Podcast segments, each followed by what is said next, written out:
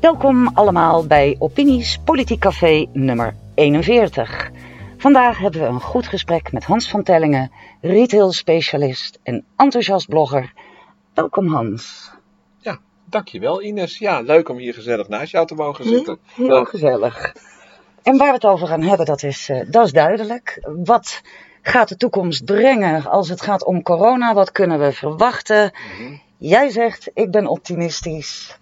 Vertel ja. het eens. Nou ja, kijk, um, uh, ik ben al twee jaar kritisch. Uh, vanaf maart 2020, eigenlijk vanaf de eerste dag. Het was de eerste paar weken, had ik nog wel een zeker begrip voor de situatie. Zo van, er is wel wat aan de hand. We zagen allemaal die beelden uit China en uit Italië. Dat we dachten van, oeh, dat is wel heel erg naar. Maar eigenlijk wist ik toen al, en ook mensen als Maurice de Hond waren er toen al mee bezig. Zo van, nou ja, het treft eigenlijk alleen de ouderen. Maar zelfs die ouderen, ook 95 van de 100 ouderen, die schijnen het ook te overleven. Nou, het is natuurlijk vreselijk voor de vijf mensen die het dan niet, overle uh, niet overleven. Misschien kun je daar wat aan doen. Maar dat was een beetje die status toen. Kloppen die cijfers allemaal wel? Het sterftepercentage is een stuk geringer. Toen, ergens in april was dat geloof ik, Rutte een persconferentie had en hij begon opeens over het nieuwe normaal. Toen ging er bij mij een alarmbel rinkelen dat ik dacht van, hey, ho, ho, wacht eens even, hoezo nieuw normaal? Dat gaan we gewoon niet doen, want dat virus gaat gewoon over. Nou ja, en ik ben zeker geen viroloog of epidemioloog of, uh, uh, of bioloog, zeker niet, maar ik heb me wel voldoende ingelezen om te weten dat zo'n virus uh, waarschijnlijk gepaard gaat met soms één, maar meestal twee of drie golven en dat het dan gewoon wel gebeurd is. Zo'n virus zal nooit helemaal verdwijnen.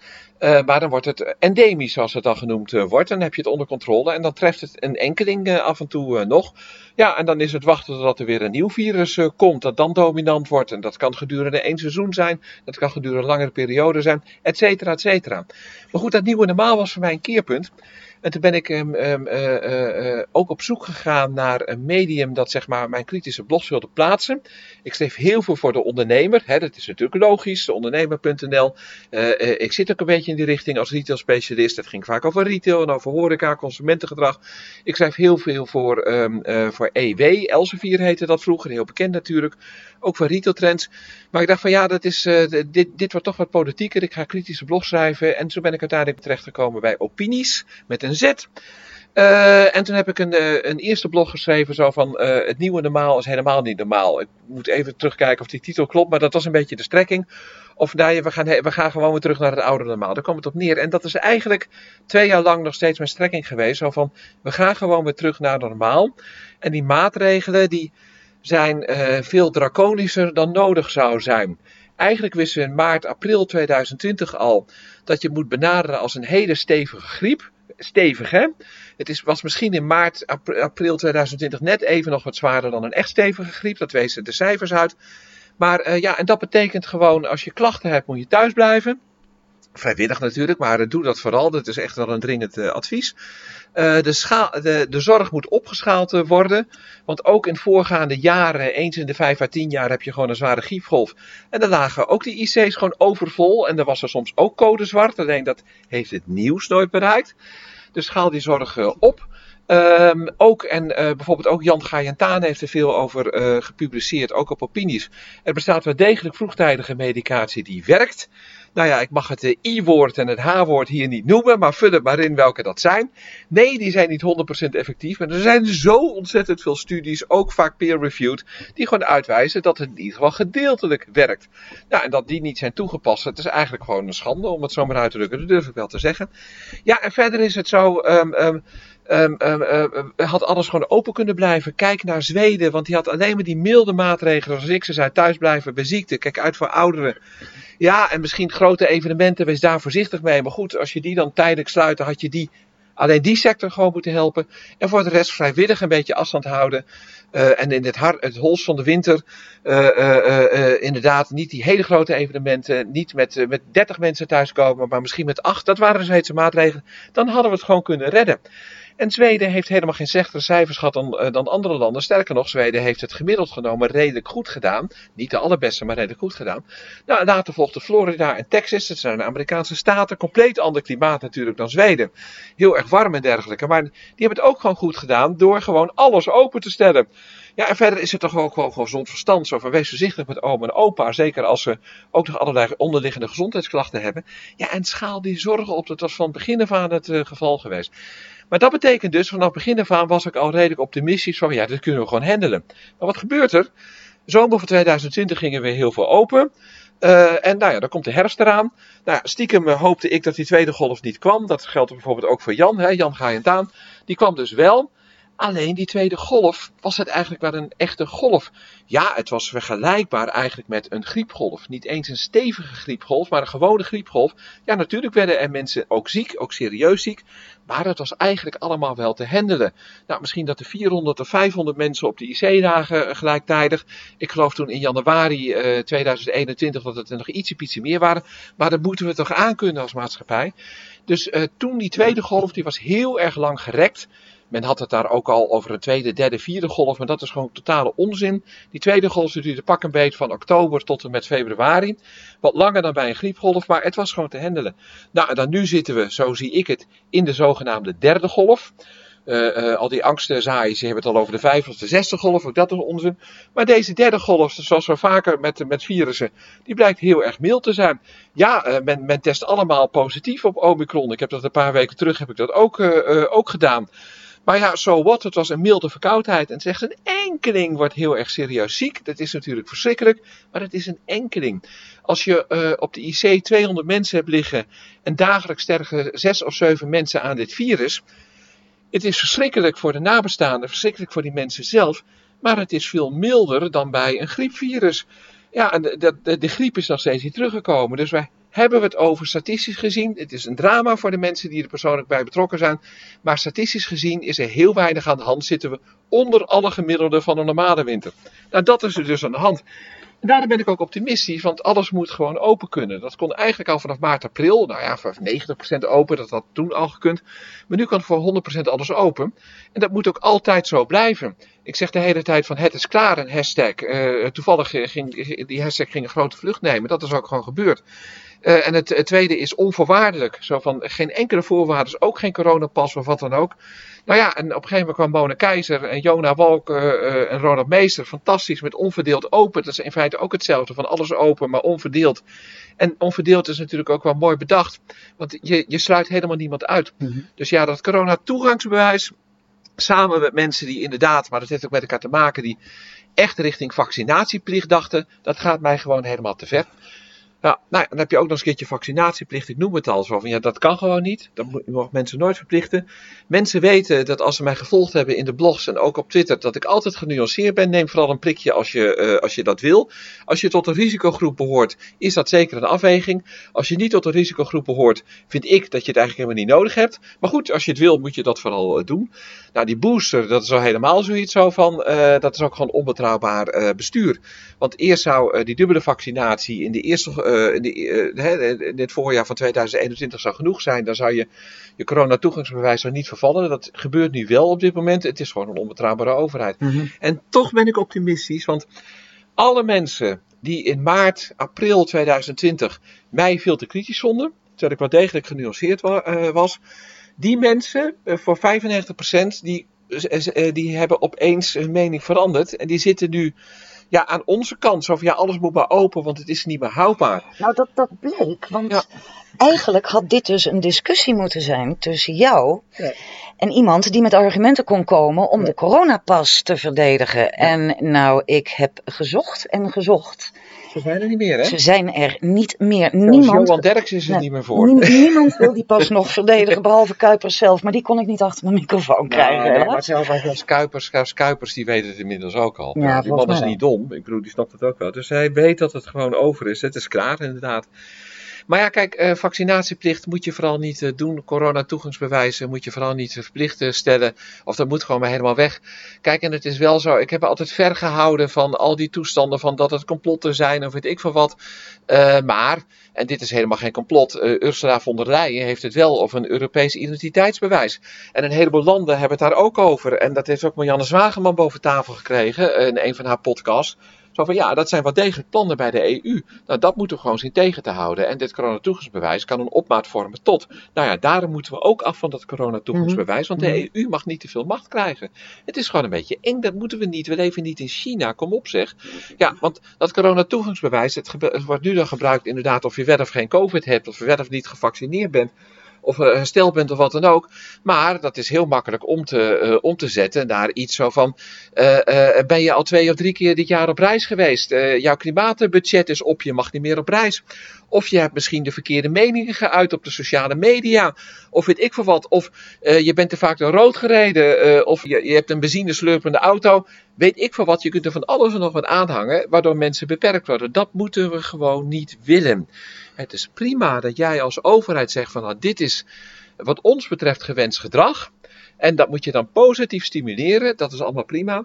Maar mensen op deze manier negatief zeg maar, eh, beletten om iets te doen, dat is, eh, dat is inderdaad eh, iets wat we gewoon niet moeten willen. Dat is neocommunisme of weet ik veel wat. Gewoon niet doen. En daarom moet je zo fel tegen die coronapas zijn.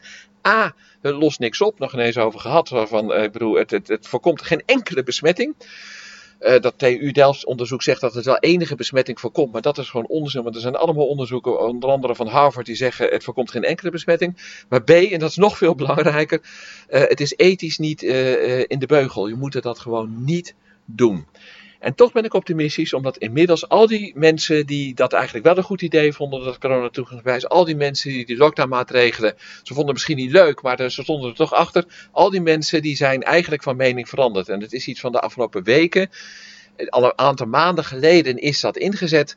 En nu zijn we zover dat het zo is. Nou ja, en zelfs onze regering, zelfs een Kuipers en een Rutte, die het stiekem heel graag willen. En voorheen eh, de jongen, die zien nu ook in dat het gewoon niet haalbaar is. En dat is gewoon pure winst. Dus ook al die mensen die mij desnoods zelfs in het begin verketterd hebben, maar die nu zeggen van ja, we moeten dit niet meer doen. We moeten ophouden met de lockdown, het is klaar. Die mensen verwelkom ik ook. En dat is ook gewoon. Ik heb nooit gedacht in bubbels. Op Twitter, ik blokkeer alleen maar iemand die echt gaat schelden of gaat dreigen. Eh, maar er zitten allerlei verschillende soorten mensen op Twitter. Van verschillende soorten plamage. Links, rechts. Wel religieus, niet religieus. Wel een kleurtje, niet een kleurtje. Eh, eh, de, de hele LHBTGQ-scène. Daar heb ik ook allemaal vrienden. Of in ieder geval volgers tussen. Ik blokkeer wat dat betreft helemaal niemand. En dat is het dus ook. We moeten het samen doen. Om het zo maar uit te drukken. En mensen die zeggen zo van ja, we moeten de maatschappij modelleren met een nieuwe zeil. Ik noem verder geen dame, maar vul er maar in. Dat moeten we gewoon niet doen. Iedereen moet met elkaar samenwerken. Links, rechts, homo, hetero, trans. Met een kleurtje, zonder kleurtje. Wel religie, geen religie. We moeten elkaar omarmen. Zowel letterlijk als eh, figuren. Het, het initiatief inderdaad van Mona Keizer het al, dat, dat heet onverdeeld open. En de meeste mensen zien hoofdzakelijk het woordje open staan. Terecht, want daar snakken we naar. Maar dat eerste woord, hè, dat onverdeeld. We moeten de toekomst in. Hè? We moeten de toekomst in, in. En laten we eerlijk zijn, voor COVID was dit land al diep verdeeld. Liepen de kloven ernstig door dit land heen tussen links, rechts, tussen eh, de, de wel-aanhangers van de critical race theory en de niet, de woke en de niet, en de, afijn, de klimaatangst, noem het allemaal maar op. Ik persoonlijk vind het een geweldig initiatief van Mona Keizer en vooral vanwege het woord onverdeeld. Waar ik dus ook heel blij om ben, is dat zo'n organisatie als de Vierde Golf daarbij eh, betrokken is. Die, ik bedoel, ik weet dat wij in Nederland met links en rechts vierkant tegenover elkaar staan, maar de Vierde Golf, ik, ik vind het een brug. Ik weet niet of jij je wel eens in hebt verdiept, maar die mensen zijn in de grond exact hetzelfde zat wat wij aan onze kant ook helemaal zat zijn. Ik denk dat de vierde golf vergelijkbaar is met het initiatief wat al jaren bestaat. Vrij links heet dat. Dat zijn mensen die Ja. wel links zijn, maar echt nog Dat steeds de, de, de principes bijvoorbeeld van de sociaaldemocratie volgen. Nou ja, ik noem mezelf liberaal. Klassiek liberaal, hè? niet VVD of eh, D66 liberaal, maar het echte liberalisme. Maar goed, ik ben dus geen sociaaldemocraat. Maar de sociaaldemocratie heeft natuurlijk een heleboel mooie standpunten over gelijkwaardigheid van mensen. Daar sta ik ook helemaal achter. Maar ook al eh, eh, neigt het soms ook een beetje richting socialisme, wat niet helemaal mijn ding is. Het maakt niet uit. Mensen moeten wel gehoord worden. Mensen moeten, ge- eh, moet naar mensen geluisterd worden. Mensen moeten in ieder geval figuurlijk omarmd worden. We zijn allemaal gelijkwaardig en we moeten met elkaar zien te rooien. Nou, en dat is gewoon heel erg mooi. Wat dat betreft lijkt, lijkt dat die vierde golf heel erg op vrij links. Ja, en al dat woke gedoe en de- die toestanden. Van ja, we moeten niet doorslaan. Dat is wel gebeurd. Zo van, Zo van ja, uh, uh, vroeger hadden wij een masculine, patriarchale maatschappij. Ik heb het over de, eeuwen terug hoor. En dat is steeds minder geworden. Hartstikke goed. Maar we moeten nu ook niet doorslaan naar het feit dat mannen van boven de 50, die toevallig ook nog op vrouwen vallen, dat die allemaal worden weggezet als verschrikkelijke mensen. Want dat, dat zijn ze gewoon niet. Ja, natuurlijk zijn die idioten. En ook zo'n Mark Overmars. Ik denk van, verschrikkelijk, wel zo smakeloos. Hallo, 99 van de 100 mannen zijn niet zo. Ja, en, en, wij als mannen mogen ook gewoon tegen de vrouw zeggen van, uh, dat we haar leuk vinden of weet ik veel wat. Nee, maar dat is het dus. We moeten, uh, het is prima dat je links en rechts hebt en dat je, dat je liberalisme hebt en conservatisme en dus nooit ook socialisme en dus communisme. Zeker niet mijn wereld, maar uiteindelijk moeten we gewoon respect voor elkaar standpunten hebben. Moeten we gehoord worden. Ja. Nou, mijn zakenpartner hier, die zit ook links van het midden. Dat we zeggen, hij doet de inhoud en ik doe de zaken. Maar het is, het is maar compagnon voor 50-50. Uh, het grappige is, als het over politiek gaat, zijn we het vaak oneens. Maar we kunnen gewoon keurig naar elkaar luisteren. Het is geen enkel probleem. En als het over de zaak gaat, hebben we wel dezelfde belangen. En elke week hebben we ergens een discussie over. Maar op een of andere manier kunnen we het al 28 of 29 jaar met elkaar rooien. En dat gaat gewoon hartstikke goed, omdat we aanvullende kwaliteiten hebben. Je moet niet denken van, je bent mijn tegenstander, maar je bent heel anders dan ik. Nee, oh, je bent heel anders dan ik. Nou, misschien kunnen we, kunnen we samen verder komen, omdat jij die kwaliteiten hebt die ik misschien ontbeer. En dat ik jou een beetje kan helpen bij, uh, bij, de, bij de punten die bij jou uh, uh, iets minder ontwikkeld zijn. Zo simpel is het. Communicatie is niet alleen zenden, communicatie is met name eerst luisteren en op basis daarvan conclusies trekken. En conclusies moet je misschien samen trekken. Ja. Um, een andere vraag, uh, weer even terug naar de politiek. Ik heb gisteren de brief van Kuipers gelezen die hij een paar dagen geleden aan de Tweede oh, ja. Kamer stuurde. Ja. Daarin belooft hij heel veel versoepelingen. In alle eerlijkheid, ik zie ze niet. Hij heeft het over dit, dat en dat en dat mag open, maar daar komt elke keer achteraan met pas. Het grappige was gisteren op het nieuws bij RTL zeiden ze van die coronapas blijft voorlopig, maar mm -hmm. vanaf begin maart misschien gaat hij eraf. Bij de NOS zeggen ze, aanstaande dinsdag wordt bekendgemaakt dat die coronapas voor een gedeelte in ieder geval al verdwijnt en begin maart misschien helemaal. Nou, laten we hopen dat hij vandaag helemaal verdwijnt, dat is mijn standpunt. Maar goed, kennelijk weet men het nog niet zo nee. goed. Kuipers wil die coronapas absoluut in het leven uh, roepen. Dat ja. we zeggen, niet alleen zoals hij nu is, maar ook verder uitbreiden. Maar ik denk dat hij ook gewoon uh, nu inziet dat het gewoon niet houdbaar is. Omdat ook die mensen die, die eerst wel voor waren, er nu ook niet meer voor zijn. Dus het gaat gewoon niet gebeuren. En dat betreft ben ik ook gewoon optimistisch. Die coronapas komt er niet. Alle maatregelen worden afgeschaald. Um, en ik verwacht eigenlijk ook dat dat voor het eind van de maand is gebeurd. Dat we net zoals Denemarken, net als Verenigd Koninkrijk, net als Spanje, net als Zweden, net als Noorwegen, net als Zwitserland. Dat, dat volgt nog, maar dat is binnenkort. Net als Florida, net als Texas. En ik vergeet er nog een heleboel dat we gewoon voor 100% vrij zijn en dat het inderdaad onverdeeld is en ook onvoorwaardelijk en dat ze gewoon nooit meer terugkomen. En jij denkt niet dat dat een politieke stunt vanwege de verkiezingen is? Oh, het, het, speelt wel mee natuurlijk. ja. Want ja, de, de, de, de, de regeringspartijen die zijn allemaal dramatisch in de peilingen. Mhm. En die staan natuurlijk ook dramatisch in de peilingen voor de gemeenteraadsverkiezingen. -huh. En alle lokale partijen of nieuwe partijen of andere uh, uh, echt liberale partijen, die staan opeens een stuk hoger. Dus ja, dat kan gebeuren. Uh, en natuurlijk probeert men hier politiek voordeel uit, uh, uit te halen. Of in ieder geval, men probeert het verlies dat er nu is te beperken. Is, speelt absoluut een rol, maar ik denk niet dat dat bepalend is. De mensen willen het gewoon niet meer. Het gaat gewoon niet meer gebeuren. Er komt vast wel weer eens een eng virus aan. Ja, elk jaar hebben we voor sommige mensen een eng virus. Ja. Maar over een aantal jaren zal er vast weer eens een virus komen dat vergelijkbaar is hiermee. He, eens in zoveel jaar heb je echt een heel naar griepvirus. Over een aantal jaren zal dat gewoon weer gaan gebeuren. Maar dan moeten we niet meer een lockdown. Ondertussen moeten we die zorg hebben opgeschaald. Moeten we beter nadenken over vroegtijdige medicatie. Uh, uh, is het beleid eigenlijk van als je ziek bent, blijf dan maar thuis. We gaan je stimuleren. Daar, ga, daar gaan we een promotiecampagne over starten. Wees voorzichtig met open en open. En dat is het. Ja. ja. En als het een vliegende ebola was geweest, waar 30 of 50 procent van de mensen echt aan overlijdt. Nou ja, dan, dan, dan, dan was iedereen wel zo bang dat ze vrijwillig waren thuisgebleven. Maar dat is het dus gewoon niet. Die IFR, dus het sterfste percentage, was in het begin iets van 0,3%. Is hoog, is iets zwaarder dan een zware griep. Op een gegeven moment in 0,23%.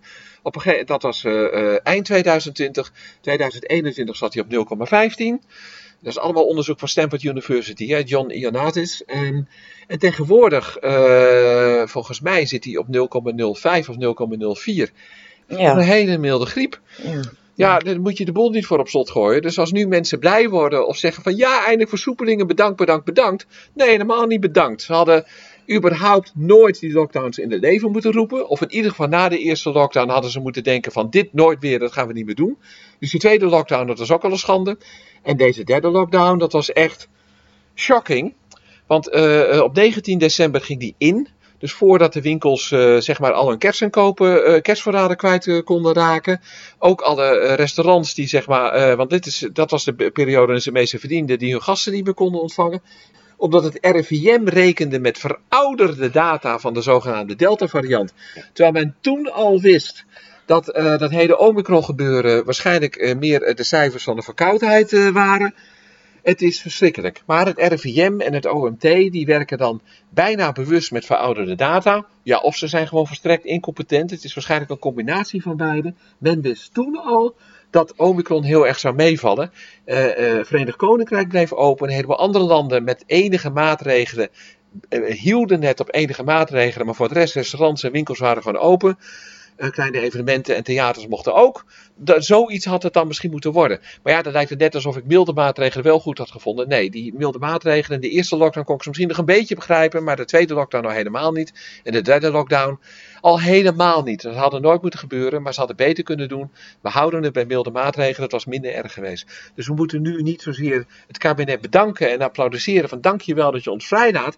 Nee, we moeten zeggen, alle schade, die, alle economische schade die, uh, die, is, uh, uh, die er is geweest, die moet voor 100% vergoed worden. En dat is meer dan een beetje NOW-subsidie en TVL tegemoetkoming op vaste lasten of TOZO voor de zelfstandige ondernemer. Nee, veel meer. Alle schade moet vergoed worden zelfmoorden bij de jeugd, maar ook alle andere mensen die zwaar ongelukkig zijn. En ook mensen die, omdat ze zo ongelukkig zijn, ook zijn overleden, juist als lockdownmaatregelen. Dat, die schade is niet in cijfers uit te drukken, dus niet in geld uit te drukken. Ja, en ook mensen die gedwongen worden in feite om te, zich te vaccineren. Nou ja, uh, ook dat is gewoon heel erg slecht uh, geweest. Nou ja, en er zijn natuurlijk wel degelijk nadelen van dat vaccin geweest. Uh, Kiat Nuis, hè, Olympische gouden medaillewinnaar onlangs, die heeft myocarditis gehad. Er zijn een heleboel andere mensen. En nogmaals, ik ben niet tegen dat vaccin, maar schuif dat niet onder het tapijt dat er wel degelijk behoorlijk veel schade is ja. geweest. Ja. En dan was het gewoon een veel betere afweging van ja, ik ben risicogroep, neem ik dat vaccin. Nou ja, dan kun je dat besluiten. Maar als jij 30 jaar bent en je bent topsporter, of je bent zelfs 12 of 13, wat, er nu, wat ook gebeurt. Terwijl dat virus voor deze generatie, voor die leeftijdsgroep echt niet gevaarlijk is. Ja, dan kun je het beter niet doen. Maar goed, als ze het willen, mag hoor. In ieder geval als het volwassen mensen zijn. Maar, maar dat is het dus. dus. Er komt nog zoveel ellende naar boven. Uh, wat dit onderwerp betreft, maar ook een heleboel andere onderwerpen. Ook dat WOP-verzoeken die nu eindelijk een beetje naar boven komen. Ja, in mei 2020 had men dan al over de coronapas. En er staat letterlijk in het WOP-verzoek dat iemand van het ministerie van VWS zei zo van ja, dan houden de mensen een worst voor, zodat ze dat gaan doen. Dat en dan, heb ik gelezen.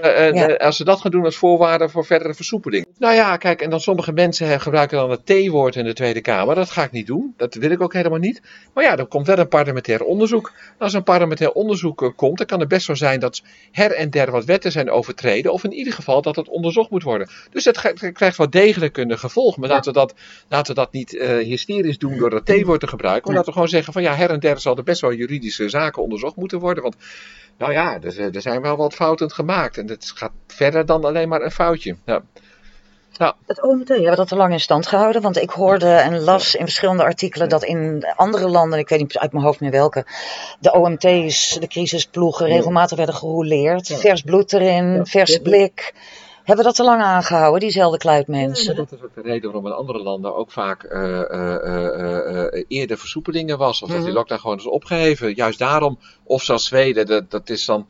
Hè, dit is die Anders Teknel, die was dan zeg maar die Zweedse Jaap van Dissel, maar die had van het begin af aan al zoiets van ja, het is allemaal naar, het is allemaal vervelend en die, dus heeft best wel onze zorg, maar je moet de maatschappij niet op slot zetten. Maar in de landen waar het OMT ook daadwerkelijk is, uh, Bridges uh, bijvoorbeeld, is, is veranderd qua bezetting. Ja, die, die zijn eerder begonnen met, uh, met de lockdown opheffen. En in Nederland is het zo van ja, dat, het, het OMT is gewoon hetzelfde gebleven. Ja, er zijn ook allemaal mensen die erin zitten met allerlei dubbele petten. Nee, maar goed, um, um, ik, ik heb een aantal hashtags gewoon spontaan bedacht. Bijvoorbeeld het is klaar. Ik ben stiekem toch een beetje trots op, sorry jongens. En dan krijg ik ook weer de haters over me heen. Heb je Hans weer. Maar ook bijvoorbeeld ontbindt het OMT. Die is al een half jaar in feite trending. Die komt af en toe weer op. Ja, uh, dat, dat is gewoon wat er moet gebeuren. Mm -hmm. A, omdat het team moet verversen. B, omdat het alleen maar mensen zijn met een medische achtergrond en geen mensen met ook een maatschappelijke achtergrond, ze hebben of economische achtergrond, ze hebben geen idee wat ze allemaal veroorzaakt hebben. C, het is sowieso goed om te uh, verversen. D, soms gaat het ook over um, um, uh, mensen met dubbele petten op en met dubbele belangen. In de vaccins, in de PCR-testen en de testen voor toegang. Dat is dat Jan, die is Jan Kluitmans, die is daar ook rijk mee geworden. Dat klopt toch gewoon niet, nee. mensen? Kom op, zeg. Nee, ja. nee. Dat, dat is toch op zijn minst wel iets wat een wat nader onderzoek uh, verdient straks als de balans opgemaakt gaat worden. En laten we eerlijk zijn, daar zijn we toch wel zo'n beetje nu. Ook de rol van uh, Marion Koopmans is die ook wilde helemaal, ik ook uh, nou zou ik het zeggen, jovel. Ik weet het niet, um, misschien is hij wel jovel geweest, maar mm -hmm. in ieder geval moeten de dingen onderzocht worden. Want haar banden met Anthony Fauci, die zijn innig. Uh, uh, ook de banden met het Wuhan-lab, die zijn ook innig, die waren er gewoon al. Ja, er zijn allemaal artikelen die goed onderbouwd zijn, die dan toch zeggen zo van ja, het is, ik ga niet zeggen dat het bewezen is, maar dat dat virus misschien toch wel ontsnapt is. Dus ik ga ook niet zeggen dat het bewust is, maar er zijn wel dingen gebeurd die goed onderzocht moeten worden. En dat ze zelf naar Wuhan ging samen met, en ook met die Daszak was dat geloof ik heette die, die was dan daar de, de, de voorzitter of zo die heeft ook later gezegd van dat klopt het niet, we hebben het niet goed onderzocht. Dus dat, is, dat, dat, dat, dat, dat blijkt wel, dat moet gewoon goed onderzocht worden. En de, de slager moet niet zijn eigen vlees uh, keuren. Dus ik ga zeker geen verdachtmakingen doen, maar wel dingen die de wenkbrauwen doen fronsen. Uh, zaken die de wenkbrauwen doen fronsen, dat ik zeg van nou, ga er maar eens een keertje goed onderzoeken. Mm-hmm. Dus ja, dat klopt. Onze eigen Marion Koopmans. Goed op, dat moet goed onderzocht ja. worden. En dat ja. weet ze zelf ook wel. Osterhaus, ook zo'n... Uh... Osterhaus, ik weet niet of hij nu nog belangen heeft. Maar ja, uh, wanneer was dat? 2009 of zo? Met uh, de Mexicaanse. Met, is hij binnengelopen. Die is heel goed binnengelopen. En, ja, en dat, het, het feit is wel dat er toen een filmpje rondging. Dat er toen de eerste geval van Mexicaanse groep in Nederland kwam. En dat de champagneflessen of zo open gingen. Ja, en nu zie je ook wel, uh, nu zie je ook op Twitter uh, bij de Marino van Zelsten en dergelijke. Mm-hmm. Uh, die mensen, en ook mensen die zich nog wat extremer uiten, noem verder geen namen, maar jij weet over wie ik het heb. Mm-hmm. Ja, die mensen die hopen echt, die hopen echt dat die IC-bezetting nog omhoog gaat. Het gaat niet meer gebeuren, jongens. En ze zitten nu op 206, dat was de stand van gisteren. Er zijn goede voorspellers, zoals Maarten van den Berg bijvoorbeeld. Die zeggen, nou heel misschien gaat er nog de 240, 250, maar dat is het wel. Dan is het echt gewoon gebeurd.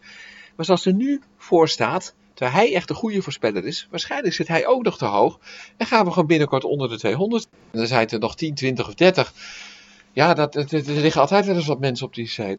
Mijn angst is dat als we inderdaad nu, je hebt het nu over getallen 200, dan gaan we onder, dan moet de boel weer open sprekend over ernstige griepseizoenen. Uh, dat, er gaat bijvoorbeeld op Twitter een, een fotootje rond met een aantal koppen uit kranten over de griepseizoenen 2016, 2018. Ja.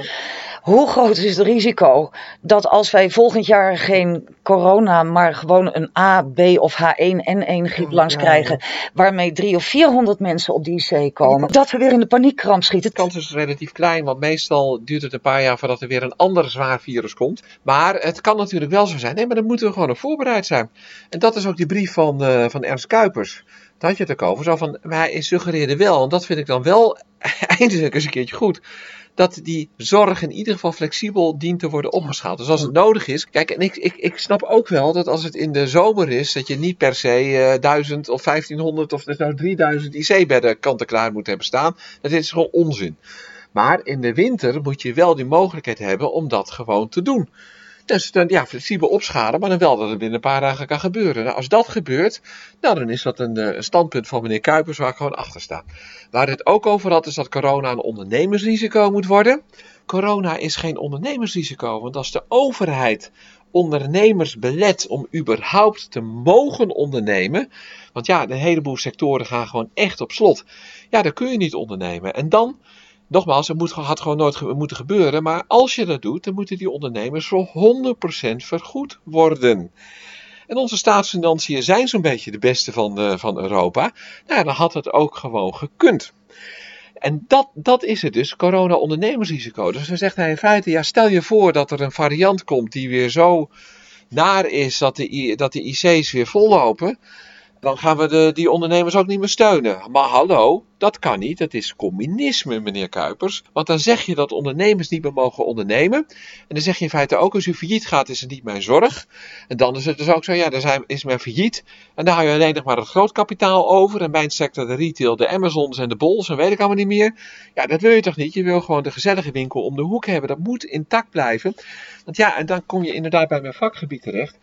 Ehm, eh, consumentengedrag gaat erom dat mensen het leuk vinden om naar een bepaalde plek toe te gaan.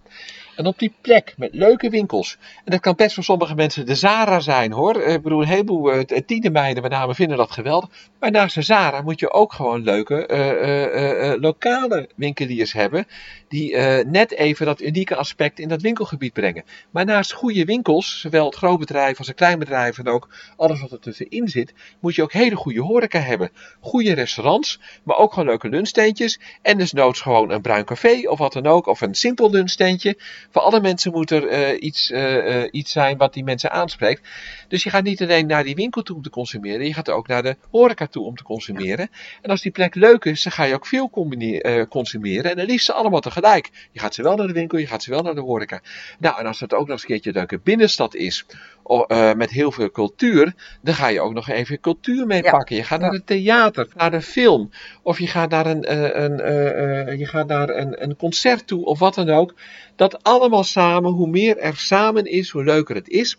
En dat moeten we allemaal ondersteunen. En als meneer Kuipers zegt, ja, uh, die winkelier daar of die uh, horeca-uitbater op die plek, uh, corona is een ondernemersrisico. Als die failliet gaat omdat ik besluit jou drie maanden op slot te gooien, ja, dan is het je eigen risico. Ja, dat is gewoon heel erg kwalijk. Moet je gewoon niet doen. Zeker in het begin gaf Kuipers nog het voordeel van de twijfel.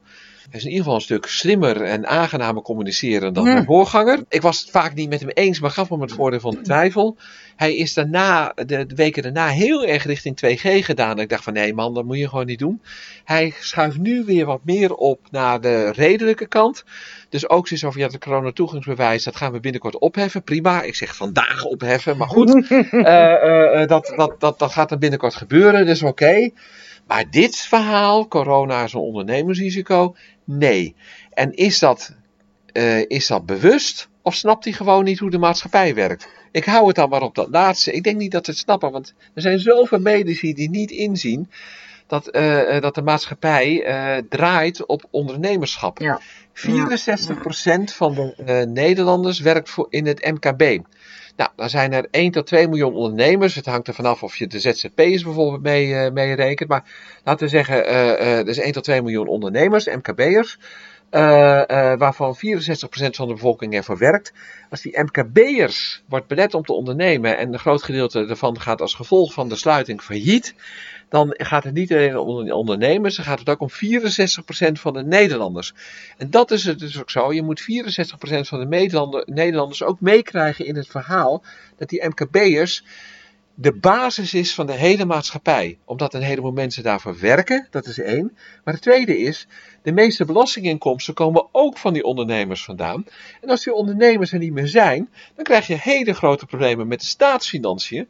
En dan krijg je dus ook problemen met de gezondheidszorg. Want de gezondheidszorg wordt natuurlijk gefund door, uh, uh, door dat belastinggeld. Dus alles loopt helemaal vast. En ik denk dat meneer Kuipers dat niet doorheeft. Ja.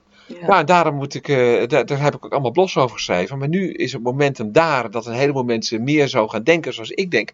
Dus ja, ik ga er nog wel wat meer blogs over schrijven. Bij opinies, maar ook bij de ondernemer natuurlijk. Hè. Dat, dat, dat, dat, dat, dat, dan hou ik het gewoon echt over de ondernemer, uh, uh, over ondernemingen zelf. Een beetje mijn. Maar bij opinies ook als het politieke implicaties heeft. Dus dat komt er gewoon aan. Dat kondig ik bij deze heel aan. Mooi, heel oh. mooi. Nou, dan doen we nog één laatste, want we zijn dan heel end. Gaan we heel even nog naar het buitenland. Laten we het eens over Trudeau hebben. Oh, ja. Hoe lang gaat hij het volhouden nog, denk je? Nou, ik denk dat hij het nog één tot twee weken volhoudt. Ja. Maar ik weet niet zeker of hij gaat aftreden. Ik denk dat hij toch schoorvoetend uh, maar meegaat uh, met de eisen van de demonstranten. Maar ja, dan is het zo, zo van ja, dan is zijn politieke spel wel uitgespeeld. Maar kan in ieder geval nog een tijdje aanblijven. Ja, okay. Dat is één. Ja. Ehm, ehm, ehm, ik, ik merk ook bij politie daar en ook leger, want ik lees wel eens wat en hoe betrouwbaar is dat weet ik niet allemaal, dat ook politie en ook leger niet staan te trappelen om eh, tegen hun eigen burgers in te gaan. Dus dat gaat gewoon niet gebeuren. Ja, ik zag daar wel een beeld van een politieagent die dan een oude man in de boeien sloeg, weet ik veel wat. Maar, Heel fijn. ja, nee, maar ik ken, ik, ik ken inderdaad niet het, het- hoe, hoe- wat er allemaal gebeurd is. Dus nee, maar eh, dat gaat niet gebeuren dat politie en leger eh, gaat optreden tegen de eigen bevolking. Dus dat betekent dat Trudeau gewoon moet toegeven. Dus alleen maar dat ook een aantal staten en regio's en steden die ook zeggen van... Ja, we gaan een heleboel maatregelen gaan we maar afschalen, die schaffen we af. Want wij luisteren toch naar de mensen. Het is gewoon niet meer houdbaar. Dus ehm, ehm, in, de, eh, in het parlement heeft hij nog wel een meerderheid. Maar in het parlement werd hij door de oppositie echt uitgejouwd. Terwijl dat ook Canada is, net als, eh, is een heel net land altijd. Dus het gaat met allemaal keurig met elkaar om. En dat de premier wordt uitgejouwd. Het is unprecedented. Maar ook binnen zijn eigen partij. Ik heb ook wat stukjes gelezen dat er ook steeds meer kritiek komt. Dus het is niet meer houdbaar. Nee. Het is een beetje andersom als eh, Boris Johnson in, de, in het Verenigd Koninkrijk. Boris Johnson had net als Rutte en eh, net als de mensen in Zweden in het begin van de, de epidemie, ik zeg heel bewust epidemie, maar geen pandemie. Eh, want de epidemie was er natuurlijk wel. Zoiets van, ja, we gaan met milde maatregelen doen. Dus hè, ergens begin maart zaten we nog echt in dat, eh, dat, eh, dat, dat, die milde maatregelen toestanden. Later is Boris Johnson ook ziek geworden. Ja, en vervelend ziek. Nou ja, een man van midden, eind 50. eh, Redelijk te- te- corpulent. Dikke buik. Ja. Nee, maar goed, dat, dat, dan ben je opeens risicofactor. Nou, die heeft het overleefd. Maar toen is er zo'n blad aan de boom omgeslagen. En toen werd het opeens een milde lockdown. Dat werd een hele zware lockdown. Eh, en ook met die Neil Ferguson, dat is eh, de Britse Jaap van Dissel. Die had ook allerlei rampspoedvoorspellingen. Die ook tientallen tot soms honderden malen te hoog waren. Sloegen helemaal nergens op. Ehm, maar nu Boris Johnson, die gaat ook onder druk van zijn eigen partij, is hij eigenlijk alle maatregelen gaan afschalen. Want hij wilde eigenlijk ook die coronapas. En wel richting 2G, dat was vorig najaar het geval. Maar eh, nou, Labour kreeg hij dan geloof ik mee. Eh, eh, daarvoor. Maar binnen zijn eigen partij was er heel veel kritiek op. Dat gaan we gewoon niet doen, Boris. En toen is hij de vredesduif gaan spelen. En zoiets van: het, is niet eh, het is niet nodig. En zelfs met kerst blijven we open. Het is een risico, maar we vertrouwen erin. En zij in het Verenigd Koninkrijk hebben die zorg wel opgeschaald. Dat hebben ze geleerd ervan. Nou, dat is prima. Maar wij in Nederland hebben het niet gedaan. Maar ook Boris Johnson is onder politieke druk. Is hij opeens een heel verstandig mens geworden wat dit betreft, om het zo maar uit te drukken. Eh, Trudeau, ja, dat is, hoe zou ik het zeggen, iemand die zich sociaal-liberaal eh, noemt. Eh, dat zal niet van harte gaan. Niet zoals Boris Johnson, maar goed, Boris Johnson komt overal mee weg. Maar Trudeau zou zoiets hebben van, ja, ik moet het maar doen. Maar eh, eigenlijk ben ik het er niet mee eens. Ja, zo'n type is dat. Hetzelfde geldt voor Macron. Eh, ook die zit in dezelfde hoek natuurlijk. Dat gaat niet gebeuren. Eh er gaat niet gebeuren dat ze dat van harte doen. Maar ik denk wel, een beetje zoals Kuipers hier in Nederland, dat men dingen gaat afschalen, maar net niet helemaal. Mhm. En zo ook in Nederland, maar ook in die landen moeten mensen, de kritische mensen moeten zeggen, nee, het moet gewoon helemaal, het moet ook nooit meer gebeuren, zoiets. Ben je helemaal een haartje betoeterd, zou mijn moeder zeggen. Ja, gewoon niet doen. Nou, dan de aller, aller, allerlaatste vraag. Die, Ja. die kan ook kort met ja of nee beantwoord worden. Covid van de A-lijst af. Ja, natuurlijk. COVID is nooit een A-lijst eh, ziekte geweest. Ook niet in maart 2020. Het was vergelijkbaar met een stevige griep. Nou ja, net iets zwaarder dan een stevige griep. Maar A-lijst, ja, het is geen ebola, het is geen MERS. Ben je helemaal bedonderd. Het is gewoon niet zo. Nee, Nou, dan gaan we hem rustig afsluiten. Dank voor je bijdrage. ga me, ga, ga me niet vragen om een schilderij aan de muur op te hangen, want dan raak ik volledig in paniek. Dat kan ik dan niet. Wij, wij, wij luisteren naar Hans, maar we geven hem geen boormars. Nee. Super bedankt, Hans. Dit was de podcast van Opinies.com. Opinies met een Z. Voor de nieuwste bijdragen en columns over politiek en maatschappij in binnen- en buitenland. Het is nog steeds helemaal gratis.